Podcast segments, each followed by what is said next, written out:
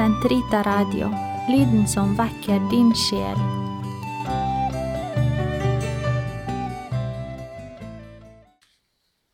Den katolske kirkes katekisme, uke 40, torsdag 1536 til 1543. Sjette artikkel Ordinasjonens sakrament. Takket være ordinasjonens sakrament fortsetter den sendelse Kristus betrodde sine apostler og holdes i hevd i kirken inntil tidenes ende. Det er altså sakramentet til apostolisk tjeneste.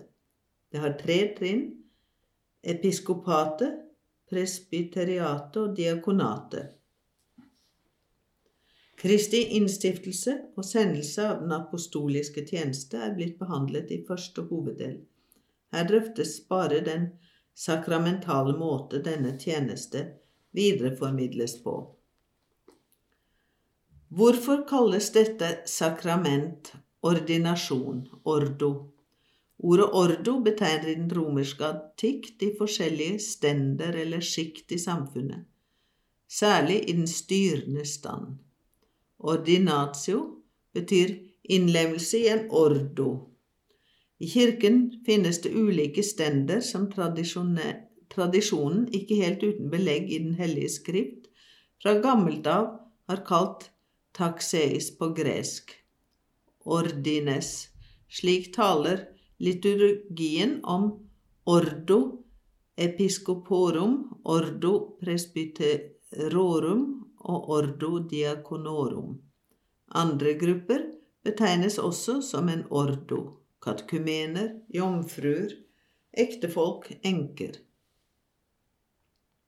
Innlemmelse i en av disse kirkelige stender fant sted ved en rite som kaltes ordinatio, en religiøs og liturgisk handling som var en vielse, en velsignelse eller et sakrament.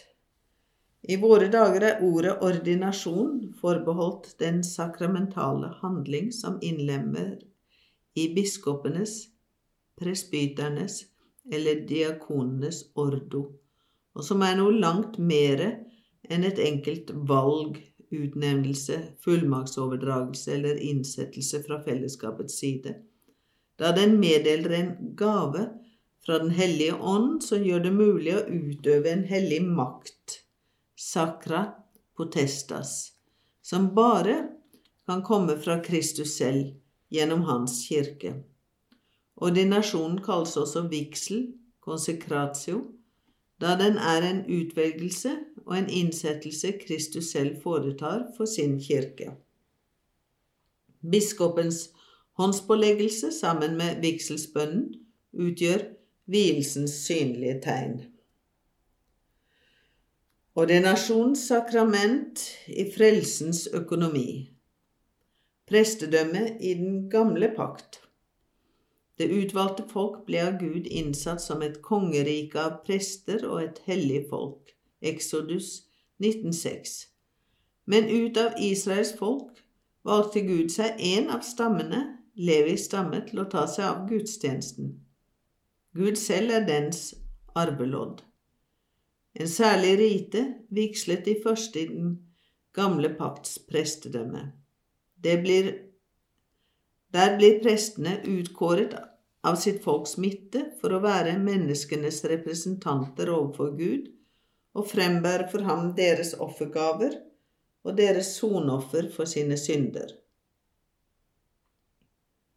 Dette prestedømmet innsatt for å forkynne Guds ord og gjenopprette samfunnet med Gud ved ofringer og bønner, var imidlertid ute av stand til å frelse. Det måtte til stadighet gjenta ofringene og kunne ikke oppnå den endelige helliggjørelse som bare Kristi ofte, offer maktet å utvirke. Allikevel ser Kirkens liturgi forvarsel om den nye pakts ordinerte tjeneste i Arons prestedømme og i levittjenesten, på samme måte som i innsettelsen av de 70 eldste.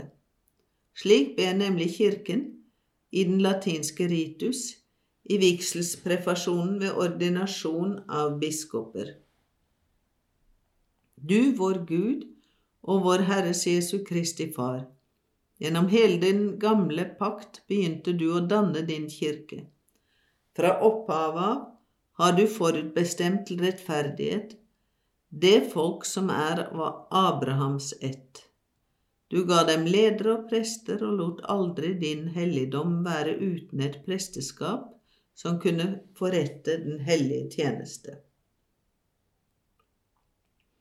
Ved prestevigsel ber Kirken. Stå oss bi, Herre, Hellige Fader, allerede i den gamle pakt og for å bære bud om de sakramenter som skulle komme, da du hadde innsatt yppersteprester til å lede ditt folk, utvalgte du menn av lavere rang og verdighet til å stå dem bi og hjelpe dem i deres tjeneste. Slik oppsto prestedømmets grader og levittenes tjenester, innstiftet ved hellige riter. Du ga den ånd Moses hadde mottatt, videre til 70 vise menn, så han med deres hjelp lettere kunne råde over det tallrike folk under vandringen gjennom ørkenen. På samme vis ga du videre til Arons sønner den åndens fylde som var gitt deres far.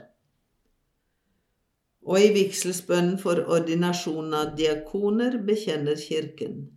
Allmektig Gud, ved din underfulle lov har du sammenføyd alt til et hele og gitt din kirke å vokse og utvides til et stadig større tempel.